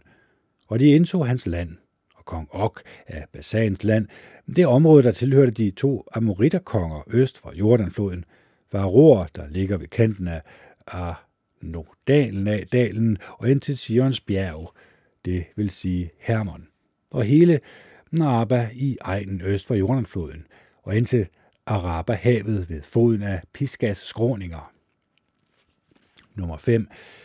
Moses kaldte alle israelitterne sammen og sagde til dem, Hør Israel, de bestemmelser og lovbud, jeg meddeler jer i dag, I skal lære dem om hyggeligt følge dem. Jehova vores Gud indgik en pagt med os ved Horeb. Det var ikke med vores forfædre, Jehova indgik denne pagt, men med os, alle os, der er live i her i dag. Jehova talte med jer ansigt til ansigt på bjerget inde for ilden. Jeg stod på det tidspunkt mellem Jehova og jer for at formidle Jehovas ord til jer. For I var bange for ilden, og I gik ikke op på bjerget. Han sagde, Jeg er Jehova din Gud, som førte dig ud af Ægypten, ud af slavehuset. Du må aldrig nogensinde have andre guder end mig. Du må ikke lave dig en udskåret figur eller en efterligning af noget som helst, der er oppe i himlen, eller nede på jorden, eller i vandene under jorden. Du må ikke bøje dig for dem, eller blive forledt til at tilbede dem, for jeg, Jehova din Gud, er en Gud, der kræver, at man kun tilbeder mig. Når det gælder dem, der hader mig, lader jeg straffen for fædres overtrædelse komme over deres sønner, ja over tredje og fjerde generation. Men jeg viser lojal kærlighed mod selv den tusinde generation af dem, der elsker mig og holder mine bud. Du må ikke bruge Jehova din Guds navn på en uværdig måde, for Jehova vil ikke undlade at straffe nogen, der bruger hans navn på en uværdig måde. Overhold sabbatsdagen og hold den hellig, sådan som Jehova din Gud har befalet dig. På seks dage skal du gøre alt dit arbejde, men den syvende dag er en sabbat for Jehova din Gud. Du må ikke udføre noget som helst arbejde, hverken du eller din søn eller din datter, eller din træl eller din trælkvinde, eller din okse eller dit æsel, eller et hvilket som helst af dine husdyr, eller udlændingen, der bor i dine byer, for at din træl og din trælkvinde kan hvile ligesom dig. Husk, at du var slave i Ægypten, og at Jehova, din Gud, førte dig ud derfra med stærk hånd og udstrakt arm. Det er derfor, Jehova, din Gud, har befalet dig at overholde sabbatsdagen. Vis din far og din mor ære, sådan som Jehova, din Gud, har befalet dig, så du kan leve længe, og det kan gå dig godt i det land, som Jehova, din Gud, vil give dig. Du må ikke myrde. Du må ikke begå ægteskabsbrud. Du må ikke stjæle. Du må ikke vidne falsk mod nogen. Du må ikke begære en andens hustru, og du må ikke selvvisk begære hans hus, eller hans mark, eller hans træl, eller hans trælkvinde, eller hans okse, eller hans æsel, eller noget som helst, der tilhører ham.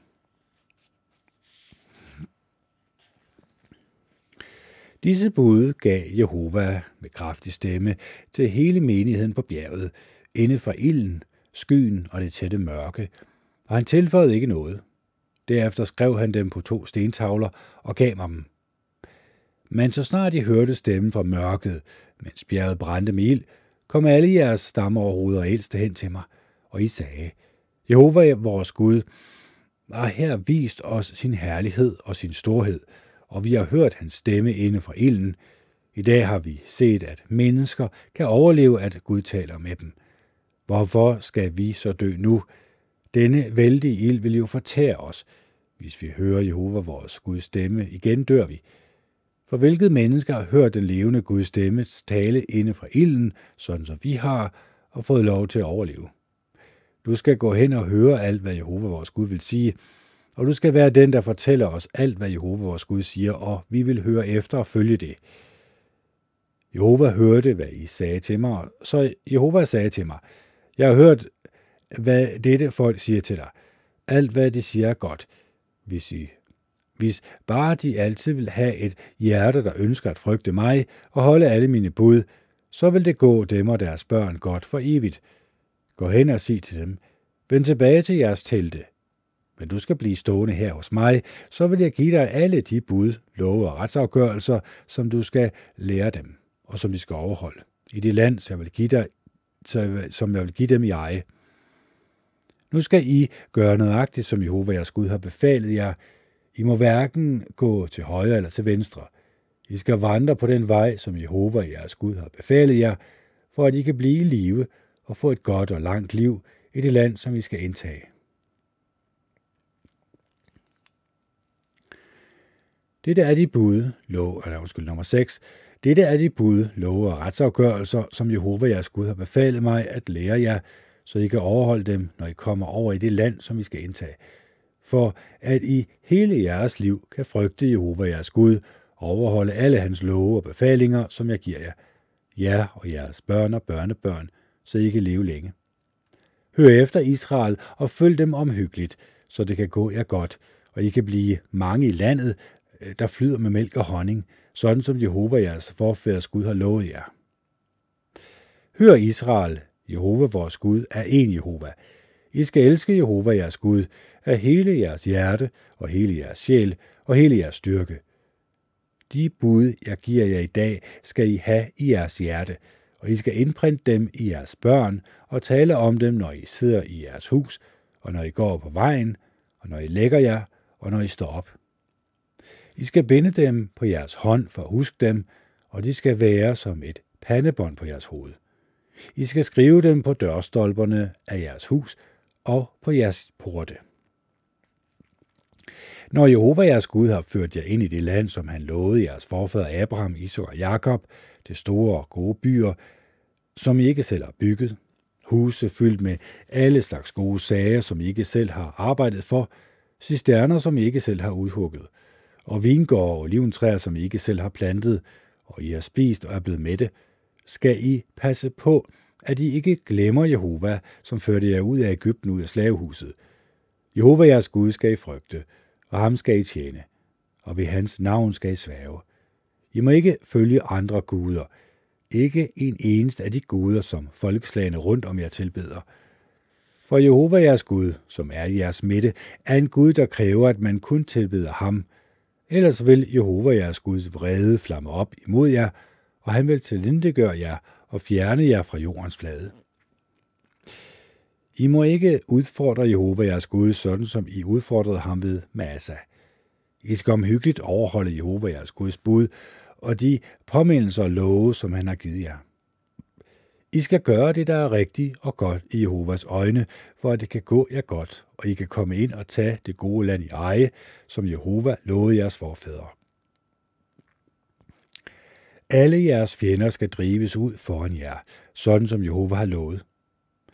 Når jeres børn engang i fremtiden spørger jer, hvorfor har Jehova vores Gud givet jer disse påmindelser, love og retsafgørelser, skal I sige til jeres børn, vi var slaver for farve i Ægypten, men Jehova førte os ud af Ægypten med stærk hånd. For øjnene af os sendte Jehova store og ødelæggende tegn og mirakler over Ægypten, over farve og over hele hans husstand. Og han førte os ud derfra for at lede os hertil og give os det land, han har lovet vores forfædre.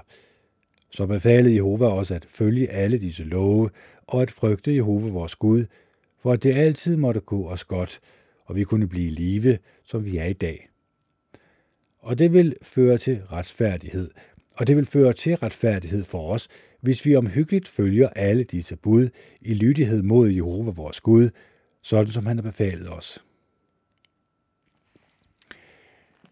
Så øh, vi kan nok godt indse her, eller i hvert fald se, at Jehova Gud han kræver uddelt hengivenhed. Han kræver, at man ikke øh, tilbeder andre guder end ham. Hvorfor? Jamen, fordi det skal gå en godt jo. Altså, israelitterne, som gang på gang vælger at følge de guder, som de kommer i kontakt med, når de kommer til fremmede nationer, det gør, at de kommer til at opleve lige knap så gode og rare ting. Fordi Jehova Gud kan jo ikke velsigne nogen, som ikke følger de anvisninger, som han nu har sat for os.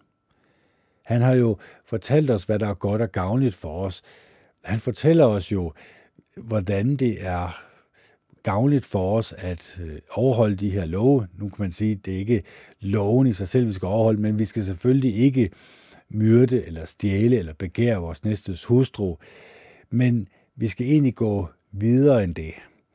Vi skal egentlig analysere os selv og finde årsagen til, hvorfor kunne vi komme i en situation, hvor vi kommer til at begå de her uhyreligheder. Og så skal vi egentlig bremse os selv inden. Vi skal egentlig bremse vores tanker, vores følelser. Vi skal have kontrol over vores følelser. Og det er jo en svær kunst. Det er jo, det er jo godt klar over.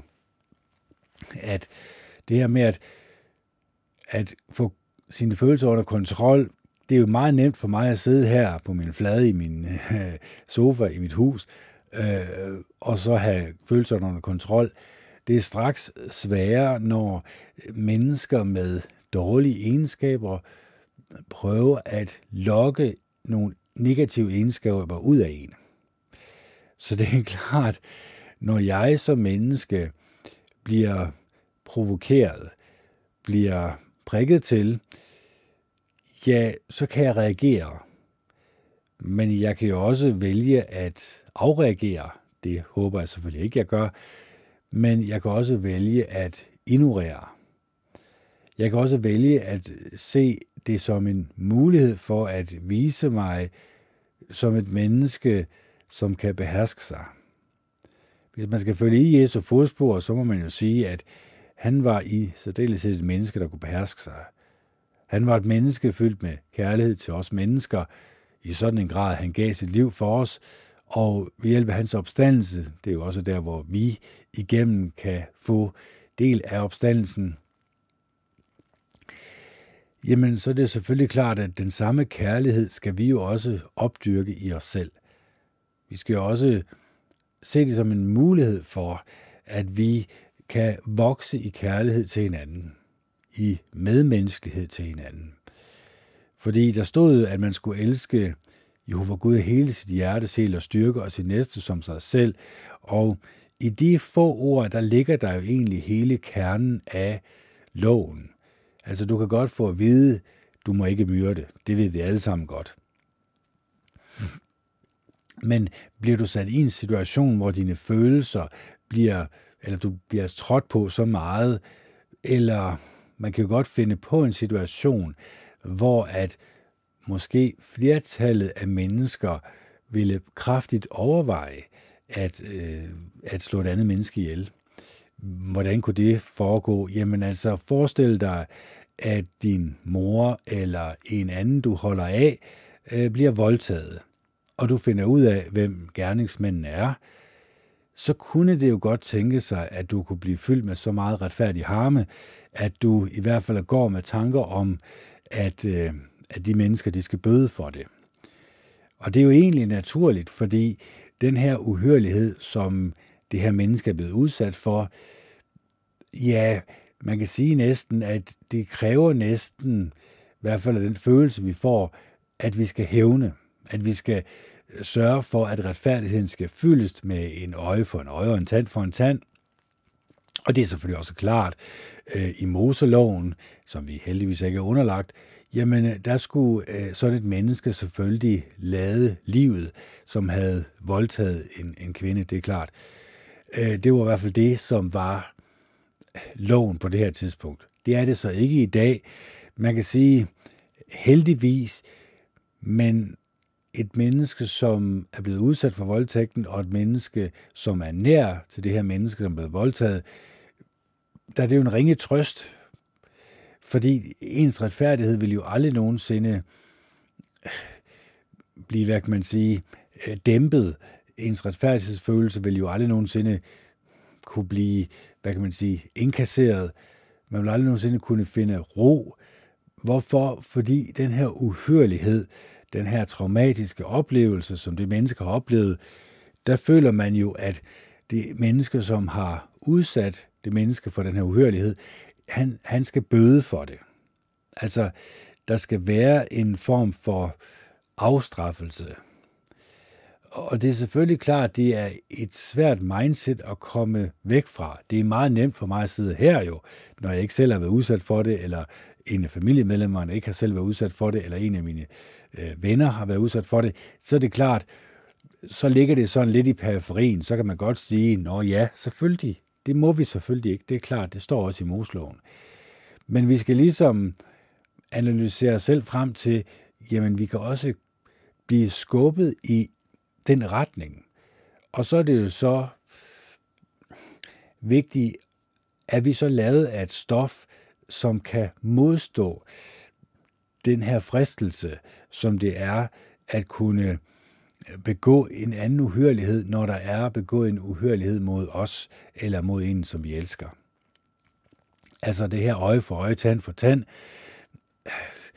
Den notion er jo egentlig noget, som det ligger dybt i os som mennesker. Altså, et harmonisk samfund består selvfølgelig også af mennesker, som opfører sig pænt og ordentligt over for hinanden. Som ikke snyder hinanden, som ikke bedrager hinanden, som ikke begærer, hvad den anden har. Det er klart. Men grunden til, at det blev skrevet i loven, og at der var en straf for det, hvis man begik de her uhyrligheder, det var selvfølgelig også for, at man kunne føle, at der var en vis form for retfærdighed, øh, at magtbalancen mellem det gode og onde ligesom var udlignet igen. Fordi hvis man lader det onde vinde, hvis man lader ondskaben vinde over en ved, at man selv begår ondskab, man selv begår vold, hvem har egentlig så vundet i sidste instans? Jamen, man har jo egentlig tilladt, at verdens ånd er kommet ind, satans og hans dæmoners ånd er kommet ind og manipulerer med os. Og det er der, hvor faren ligger. Fordi igen, jeg har jo talt meget om, at når vi sådan kigger på verdenshistorien, så må vi sige, at gang på gang har mennesker begået uhyrelighed over for hinanden, når de er blevet skubbet i en bestemt retning. At hadet til andre mennesker er blevet skubbet. Og en af, en af grundene til det er jo selvfølgelig også, at vi selvfølgelig er delt op som mennesker. Altså, vi i Danmark er danskere, de i Sverige er svenskere, og de i Tyskland er tyskere. Altså, vi er ikke en samlet flok af mennesker, som lever harmonisk sammen. Man kan selvfølgelig også sige, at mainstream media, som er ejet af øh, de her meget få mennesker, de ønsker selvfølgelig, at øh, der skal være den her opdeling af mennesker. Der skal være en form for strid, en stridsånd i os, en konstant søgen efter andre menneskers fejl. Især de mennesker, som vi indser eller ser som anderledes end os. Og det gør jo, at øh, magteliten kan kontrollere os. De ved jo udmærket godt, hvordan øh, mennesker kan blive spillet ud mod hinanden. Nu for eksempel er det sidste, jeg har hørt, det er, at øh, det her bitcoin, det er egentlig ikke ham her, Mark, Mark Kaiser, eller hvad han hedder, som står bag, men det er egentlig øh, Vladimir Putin, som står bag det her. Han har lavet det her øh, simpelthen for at få den amerikanske dollar til at kollapse, og det er han jo godt i grund i gang med flere og flere, selv af de store koncerner, er gået over på det her bitcoin. Og øh, om, om det kommer til at kollapse eller ej, det kan jeg jo ikke forudsige. Men, men jeg kunne godt, altså fordi penge er jo ikke kun magt, men det betyder jo også brød på bordet, eller mangel på brød på bordet. Altså, hvis du ingen penge har, så må du gå med røven bare, som man siger. Altså, så er det ikke, så er det ikke særlig sjovt, når du ikke kan købe de mest fornødenheder. Og det er der mange fattige lande, hvor de rige lande har invaderet og taget deres ressourcer og, øh, og sørget for, at de ikke kom op på en levestandard, som vi har i Danmark eller i andre af de vestlige lande. Og det har også gjort, at civilbefolkningen, når de først finder ud af det, så er de også blevet godt og grundigt sure øh, på de invaderende styrker, det er klart. Og så er de gået oprør, og så er de blevet kaldt terrorister, så er de blevet spillet ud i de vestlige lande som nogen, som er de onde. Men i virkeligheden er det de mennesker fra Bohemian Grove, The Fabian Society, Club of Rome, Illuminati, Skull and Bones, og så selvfølgelig også Frimurselskabet er et meget stort selskab af de hemmelige øh, ordner, hvor man kan egentlig sige, at det skuespil, som verden egentlig er, og som mennesker de tror på, øh, er den virkelige verden, jamen det gør jo egentlig, at de har et skakbræt, hvor de meget nemt kan manipulere mennesker øh, til at det, det eneste, de føler, det er, at de kan kun trække deres bunde øh, eller deres løber, eller hvad det er, i en bestemt retning, fordi de bliver presset derhen til. Og det er det, som øh, magteliten er eksperter i.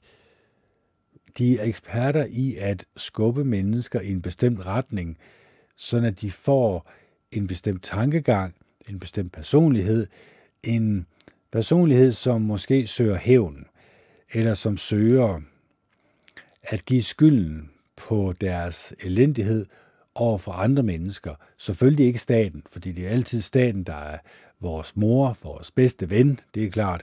Den kunne aldrig nogensinde vise sig at vende sig om mod civilbefolkningen, fordi det har den selvfølgelig aldrig gjort. Så kan jeg ikke genkendt.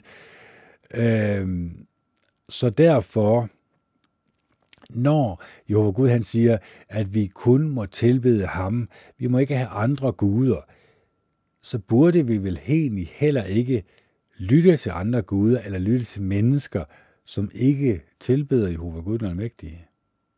Altså, hvis de ikke søger det, der er ånden i, i Guds ord, nemlig at vi skal elske Jehova Gud af hele vores hjerte, sjæl og styrke, og vores næste som os selv – så kan jeg vel ikke rigtig se andre muligheder, end jeg må lukke ørerne for det. At jeg må ignorere det. At jeg må sige nej tak til det. Fordi ellers så risikerer jeg at blive påvirket af det. Ligesom Olsenbanden film, ligesom Morten Kork, og ligesom alle de andre, Livets Ondskab og Matador, som, som virker øh, som noget, der er godt og gavnligt for os, men som stille og roligt fører samfundet et sted hen, hvor den næste generation øh, ikke ser det som skadeligt at se på voldelige computerspil eller voldelige film, eller film, hvor menneskers dårlige egenskaber bliver portrætteret som noget, man kan lade sig underholde med. Den her gradvise, stille og rolige skred i folks moral, i hvad de ser er rigtigt og forkert, hvad de lader sig underholde med, hvad de egentlig øh, finder som noget, som ikke skader dem.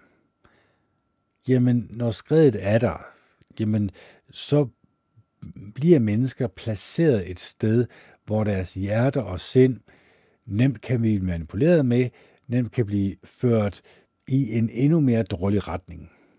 Og den her endnu mere dårlige retning, den ser vi selvfølgelig et stjerne eksempel på i Nordkorea og Kina, øh, hvor at der er en, en diktator, som igennem militæret øh, skaber frygt i befolkningen, fordi ellers så ved de udmærket godt, hvis de gør noget forkert eller gør oprør, eller ikke siger ja til, til den her onde diktator, jamen så kommer de i arbejdslejre, så bliver de udsat for meget voldsom tortur, ja, så bliver det ikke særlig godt og rart at leve for dem. Så de er udmærket godt klar over, at de har meget lidt frihed, nærmest ingen frihed, men de, kan man sige, de har fundet en eller anden form for tilpasning til det her diktatur. Har vi også fundet en form for tilpasning til vores diktatur, fordi det ikke er så slemt som det nordkoreanske? Det er jo et godt spørgsmål at stille sig en gang imellem, fordi det gør jo også, at jeg som menneske, nødvendigvis når jeg læser i Bibelen, og siger til mig selv, jamen, hvor meget er jeg egentlig påvirket af verden, når verden, hele verden ligger i den ondes magt, hvor meget er jeg egentlig påvirket af det? Fordi det står der direkte, at jeg skal holde mig fra det. Det er kun Jehova Gud, jeg skal tilbede. Det er kun ham, jeg skal lade lede mit liv. Så jeg kan jo godt stå i to lejre, og den ene hiver med den ene snor, og den anden hiver med den anden. Men medmindre jeg klipper den ene snor over og siger fuldstændig nej tak til ondskab, så kan jeg stadigvæk blive påvirket, så kan jeg stadigvæk blive hævet i en negativ retning, i den her retning med skraldespanden, som jeg har talt så meget om. Fordi igen, øh, det er jo jer selv, der definerer skraldespand i jeres egen skraldespand, eller om I i hovedet synes, at I har en skraldespand, som I bliver syge af mentalt. Det er op til jer selv jo. Jeg har bare defineret min egen skraldespand, og det jeg siger nej tak til, som jeg ved har en dårlig indflydelse på mig. Og det er også det, som Jehova Gud han siger hele tiden. Det er også derfor, man kan sige, det er sådan meget overdrevet, at han hele tiden konstant igen siger, husk nu at overholde det her for ellers så vil det gå jer dårligt. Husk nu at gøre, hvad jeg siger til jer. Husk nu at overholde mine lovbestemmelser. Sørg for, at jeres børn og børnebørn kommer til at lære dem også. Hvorfor? Fordi så vil Jehova Gud velsigne dem, så vil han sørge for at beskytte dem imod fremmede nationer. Og det ser vi gang på gang, at lige så snart øh, de egentlig siger nej tak til det, de begynder at tilbyde andre guder, jamen så har Jehova Gud ikke en mulighed for, at jamen, så må straffen jo også komme. Så må han jo tage hans øh, hellige ånd væk fra øh, de mennesker, som før tilbad ham, og så er der altså kun øh, satanens dæmoner tilbage, som er ren ondskab. Så øh, kampen i øjeblikket, det er jo egentlig over vores sind og vores hjerte. Hvem kommer til at vinde, det er selvfølgelig op til os selv jo men det har utrolig meget at gøre med, hvad vælger vi at putte ind gennem øjnene og ørerne. Er det noget gavnligt? Er det noget, som Jehova Gud han godkender? Er det noget, som han øh, misbilliger? Er det noget, som han føler øh, frastødelse overfor? Han føler væmmelse overfor, så skal vi selvfølgelig også føle væmmelse over for det og sige nej tak til det. Så det er derfor, det er utrolig vigtigt, at vi mennesker, vi bliver selvfølgelig klar over, at det, vi fylder ind gennem øjnene og ørerne, det påvirker os også enten i en positiv eller negativ retning. Det er op til os selv selvfølgelig. Det er klart, øh, jo, Gud han vrider ikke armen om på nogen. Altså, han fortæller i hans ord, hvordan vi skal opføre os, hvad, hvad kan man sige, hvad vi skal beskæftige os med i vores sind, så er det selvfølgelig op til os selv, om vi benytter vores frie vilje til at gøre det, som behager Jehova Gud, som gør ham glad og lykkelig, og som gør, at han har noget at velsigne. Fordi hvis vi gør det, så har han noget at velsigne. Man kan egentlig også sige, at det er lidt som en port eller en dør, der åbnes. Vi ved udmærket godt, hvordan døren skal åbnes, hvilken nøgle vi skal bruge. Så kan man sige, der er kun den nøgle. Der er kun, der er kun den form for øh, menneskelig personlighed, som Jehova Gud han godkender, som sørger for, at vi kan åbne døren og få mulighed for at få Jehova Guds hellige ånd. Der er ikke andre nøgler. Der er ikke ondskabens nøgle, kan ikke få os til at få adgang til Jehova Gud den Almægtige. Den skal vi jo smide bort. Så, så det er ret vigtigt, at vi ved, hvordan vi mennesker, vi kan få et nært forhold til over Gud, men også hvordan vi kan bibeholde det her forhold. Så lad os alle sammen, øh, håber jeg selvfølgelig, koncentrere os om, hvad er det, der egentlig gør os til et godt og et rart og et næstekærligt menneske? Hvad er det, der kan gøre os øh, det modsatte, altså føre os i en dårlig retning? Og hvad kræver det af viljestyrke at sige nej tak til den dårlige påvirkning? Vi ser det jo gang på gang op igennem verdenshistorien. Noras dage. Nora og hans familie viste sig at være retfærdige i Jehova Guds øjne, gjorde hvad der var rigtigt i Jehova Guds øjne, øh, sørgede for, at, øh, at man kan næsten sige, deres personlighed var af en sådan karakter, at hvis man mødte dem i dag, så ville man betegne dem som gode og rare og næstekærlige mennesker, som ønskede det bedste for deres medmennesker. Men de omkringliggende nationer, det sagde Jehova Gud jo også, han så ned fra jorden, eller han så ned fra himlen på jorden, og så, at alle menneskers tanker var onde dagen lang. Jamen, de, var ikke, de havde ikke mulighed for at blive påvirket af noget ondt, havde de. Var der en form for underholdning i samfundet på det tidspunkt, som også var ond, og som tillod, at de fik onde tanker? Det må man sige ja til. Øh, selvfølgelig var der det, men i særdeleshed i dag, der er underholdningen jo øh, den her skærm, den her døde genstand, som vi kalder vores bedste ven, den har jo egentlig overtaget moderrollen. Den har egentlig også overtaget guderollen, kan man sige. Mange mennesker kalder det et husalter, vi har herhjemme, og i princippet så må jeg jo også i større eller mindre grad give dem øh, lidt, være lidt enig med dem at det kunne jo godt tænke sig, at Jehova Gud, han også fordømmer fjernsynet. Han fordømmer mobiltelefonen. Han fordømmer en måde at tilbede satan og hans dæmoner på hjemme i sin egen dagligstue. Og det er jo i endnu højere grad nemmere at lade sig påvirke mm, af en skærm, hvor andre mennesker kommer op og kommer frem med deres meninger, og så må man jo så spørge sig selv, er det noget, som er i overensstemmelse med Jehova Gud den Almægtige? Nej, det er det ikke. Tilbeder de Jehova Gud den Almægtige? Nej, det gør de ikke. Kigger de i Guds ord? Søger de efter, at Jehova Gud han skal velsigne dem ved, at de opfører sig, som Jehova Gud han gerne vil have, de skal opføre sig? Nej. Men hvis vi så kan tjekke den boks, der hedder nej til de mennesker, hvorfor egentlig lade os påvirke af dem, hvorfor beskæftige os med dem overhovedet? Fordi de vil altid komme med en dårlig ånd. De kan ikke komme med en god ånd. Det er noget, der giver sig selv. Den eneste sted, du kan få en god, hellig ånd, det er fra Jehova Gud den Almægtige. Så det, det, det er jo egentlig logik for perlehøns, men langt de fleste mennesker er jo ikke villige til at indse, at øh, der er forskel på godt og ondt. Der er forskel på, hvordan vi opfører os over for hinanden i en sådan grad, at det egentlig burde være noget, som vi beskæftiger os med på daglig basis.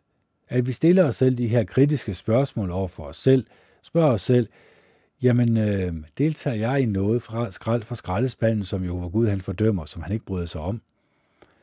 For hvis man kan tjekke en lille smule, ah, der går noget lidt der, lidt der, jamen det er jo der, hvor giften den kommer ind. Det var det, som der skete ved israelitterne. De, de øh, tilbad Jehova Gud i en, en periode, så blev det kedeligt, så blev det hverdag, så søgte de andet sted hen for at få deres religiøse underholdning, så at sige. Og så gik det galt, fordi så blev de ført på vildspor, selvom de inderst inde godt vidste, at ja, de havde, de havde godt nok fået at vide, at øh, hvis de valgte at følge andre guder, så ville det gå dem dårligt. Men de skulle lige ud og teste vandene og se efter, ah, kan det nu også passe? Og måske kunne de jo så risikere at miste livet ved det. Men de kunne i hvert fald risikere, at det kunne få nogle meget, eller det fik nogle meget dårlige konsekvenser for dem. Fordi der var jo, man kan sige, var det en som alle, der gjorde det? Ja, i mere eller mindre grad. Der var nok et fortal af mennesker, som modstod det her pres, som kunne se det forkerte i, at øh, civilbefolkningen, som før tilbad Jehova Gud, egentlig trak sig fra øh, Jehova Gud. Og det er jo igen, når det er frivilligt, og når at vi mennesker, vi keder os så nemt, som det, det er helt åndssvagt, ja, så søger vi nye græsgange. Så øh, tænker vi, ja, vi har det egentlig godt nu. Vi får velsignelse fra Jehova Gud, den almægtige. Må ikke også, at han velsigner os, når vi træder lidt ved siden af, eller når vi gør, hvad han har sagt, vi ikke skal gøre.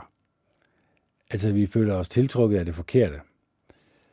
Og at vi selvfølgelig også ikke kun føler os tiltrukket af det, der er forkert, men også deltager i det, der er forkert. Så det er jo nogle alvorlige spørgsmål, som vi må stille os selv, og grunden er jo ikke fordi, at Jehova Gud, han vil øh, Øh, skade os på nogen måde, men han vil jo godt hjælpe os til at indse, at den måde, han ønsker, at mennesker de skal leve på, det er det mest gavnlige for os mennesker. Det er der, hvor vi egentlig kan opleve en utrolig glæde over at få Jehova Guds hellige ånd øh, i vores eget liv, kan opleve, at han velsigner os, at han gør alt, hvad han kan, og det må man sige, det er jo ret meget, når det er den almægtige, det drejer sig om, for at vi skal fortsætte med, han vil, han vil jo ikke have, at vi skal snuble på nogen måde, så han vil jo gerne give os de midler, som de kræver, øh, for at vi fortsat kan have den tankegang og det tankemønster, som han gerne vil have, at vi skal have. Han vil jo gerne have, at vi ser frem øh, mod Armageddon. Er måske lige så meget mod, øh, kan man sige, det modsiger lidt sig selv med det, jeg læste til at starte med. Fordi det med at se frem til Armageddon, det gør jo også, at mange mennesker vil pakke kufferten. Mange mennesker vil måske også trække lidt på skulderen og sige, nå ja, men hvorfor så egentlig gøre en ekstra indsats nu? Øh, det kan jo egentlig være lidt lige meget, når vi alligevel skal dø i Armageddon, eller vi får en opstandelse, eller hvad det nu kan være.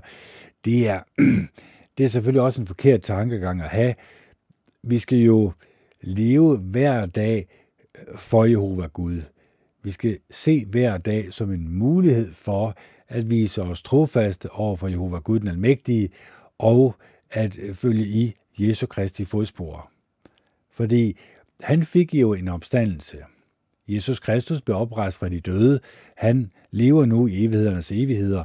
Han er konge i Guds rige. Og det er egentlig meget nemt at øh, bede til Jehova Gud den Almægtige, lukke sine øjne, bede til Jehova Gud den Almægtige om hellig ånd, om at øh, give os den viden, eller den hellige ånd, det kræver, for at vi også kan få hans hellige ånd og få lov til at øh, følge i Jesu Kristi fodspor.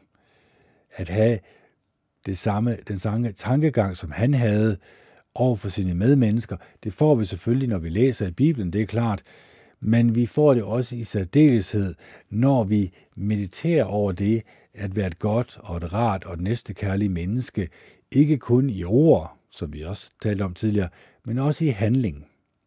Når vi gør ord og handling til noget godt og gavnligt for ikke kun os selv, men også vores medmennesker, jamen så gør vi en aktiv indsats for at vise over Gud den Almægtige, at vi selvfølgelig også ønsker at fordele i opstandelsen, fordele det her vidunderlige håb, som vi alle sammen egentlig skulle være klar over, at vi har, fordi det er egentlig igennem vores forhold til Jehova Gud den Almægtige, at han giver os de her velsignelser nu, men også i al evighed. Så øh, jeg håber selvfølgelig, at min podcast ikke gik for tæt på. Jeg håber selvfølgelig også, at det gik tæt nok på til, at du også derude ønsker at komme ud af The Matrix, så at sige, komme ud af det her mindset, det her dårlige mindset, hvor du konstant ikke kun bliver presset, men også din indre stemme konstant fortæller dig dårlige ting om andre mennesker eller om dig selv, at den her indre stemme kan du faktisk godt komme af med. Det kræver, at du starter med meditation. Det kræver, at du starter med at bede til over Gud den mægtige. Og ja, selvfølgelig, til at starte med, vil du selvfølgelig opleve, at der kommer meget rigt ind i, din, ind i dine drømme. Hvorfor? Fordi øh, Guds store modstander, Satan, hans dæmon, han ønsker selvfølgelig ikke, at du skal komme til at tilbede Jehova Gud, men hvis du bliver ved med at bruge Guds navn hver dag og bede til Jehova Gud den almægtige i Jesu Kristi navn, jamen så vil Satan og hans dæmoner så til sidst øh, fjerne sig fra dig. Og så vil du i særdeleshed begynde at modtage Jehova Guds hellige ånd, hans øh, kærlighed, hans venlighed, hans ydmyghed og hans mildhed – alle de, man kan sige, positive menneskelige egenskaber, som han gerne vil have, at vi mennesker har og opdyrker, det er nogen, som han besidder, og som han næsten ikke kan vente med ved hjælp af sin hellige ånd at få til at blomstre i os. Han vil også gerne have, at vi mennesker er glade og lykkelige. Øh, Gud er jo den lykkelige Gud, så han vil også gerne have, at vi skal være lykkelige og glade og at vores livsglæde øh, skal kunne smitte af på andre mennesker.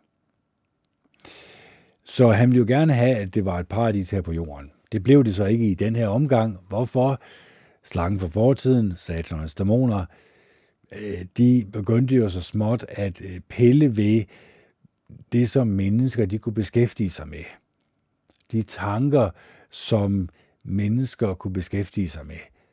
Der var gode tanker, og der var onde tanker. Og langt de fleste mennesker vælger desværre de onde tanker, vælger desværre den onde vej. Det er ikke sikkert, at de indser det. Det er jo fordi, de ikke er villige til at sidde med et stykke papir og så skrive den her film, jeg nu skal til at se. Hvor mange ondskabsfulde tanker kommer op i mit hoved, når jeg ser den her film.